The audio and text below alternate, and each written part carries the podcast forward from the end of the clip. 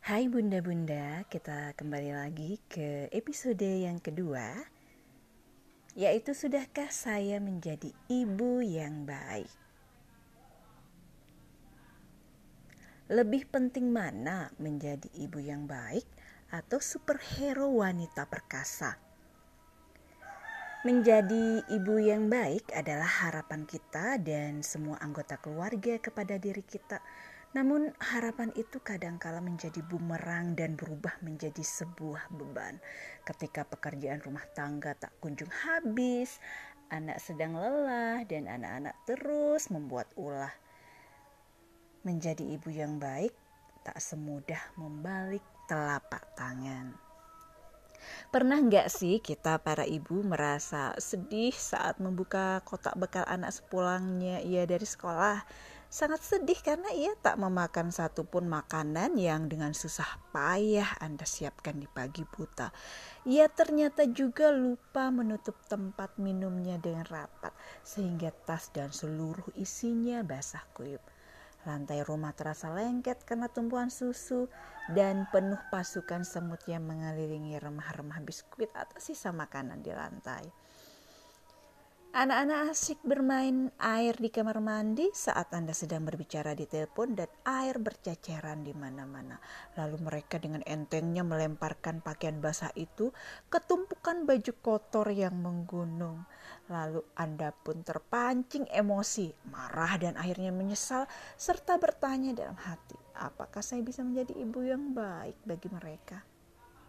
Dalam hal berpacu waktu, saya sudah membiasakan anak untuk tidur di jam 9 malam karena si kakak harus berangkat ke sekolah di jam 7.30 pagi. Namun si kakak baru akan bangun setelah tujuh kali saya bangunkan. Dan saya hanya punya waktu 5 menit untuk membantunya mandi, sikat gigi, berpakaian, dan makan pagi. Itulah medan perang yang mungkin juga dihadapi setiap hari oleh kaum ibu lainnya. Ketika anak sakit, saya rutin memberikan vitamin kepada anak-anak agar mereka tidak mudah sakit dan saya juga tahu kalau pemberian vitamin yang berlebihan tidak baik. Semua itu saya lakukan agar segala jenis penyakit menjauh dari mereka jam tidur saya yang sudah singkat ini akan menjadi lebih berkurang jika mereka terus merengek dan terjaga sepanjang malam. Di saat sakit mereka juga akan semakin sulit makan dan saya mesti membuang lebih banyak lagi makanan yang tidak mereka habiskan. Saya pun menyalahkan diri saya sendiri jika si kakak atau adik mendadak sakit. Saya merasa gagal menjadi ibu yang baik karena bagi saya menjaga kesehatan anak adalah kewajiban utama seorang ibu. Dan saya kira anak menjadi sakit karena keteledoran saya dalam memberikan makanan atau karena saya kurang mengawasi apa yang sudah mereka lakukan sepanjang hari. Tapi rasa bersalah kadang tidak hanya menghantui ketika mereka sakit.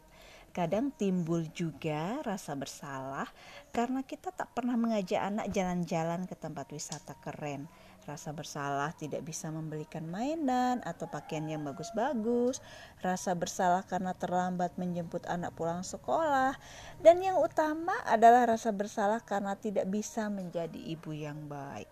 Lalu bagaimana dengan masalah keuangan dan pengeluaran rumah tangga? Hmm, dengan kondisi kenaikan harga BBM dan kenaikan harga jenis barang seperti saat ini, saya pikir kita akan mengeluhkan hal yang sama. Nah, para ibu-ibu semua di mana pun berada di belahan bumi utara selatan, ternyata Anda tidak sendiri. Betul ya bun, Anda tidak akan berjalan sendirian.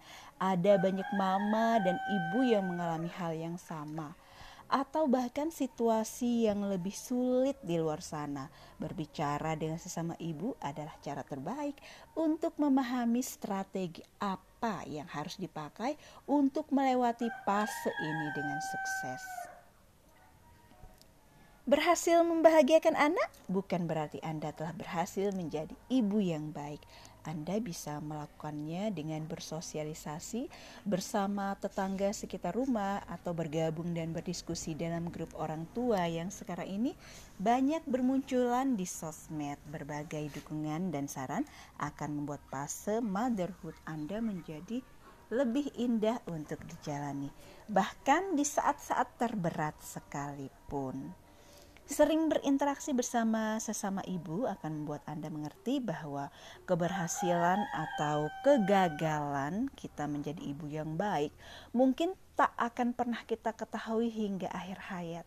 Karena penilaian itu akan diberikan oleh orang lain setelah mengenal attitude dan perilaku anak-anak kita.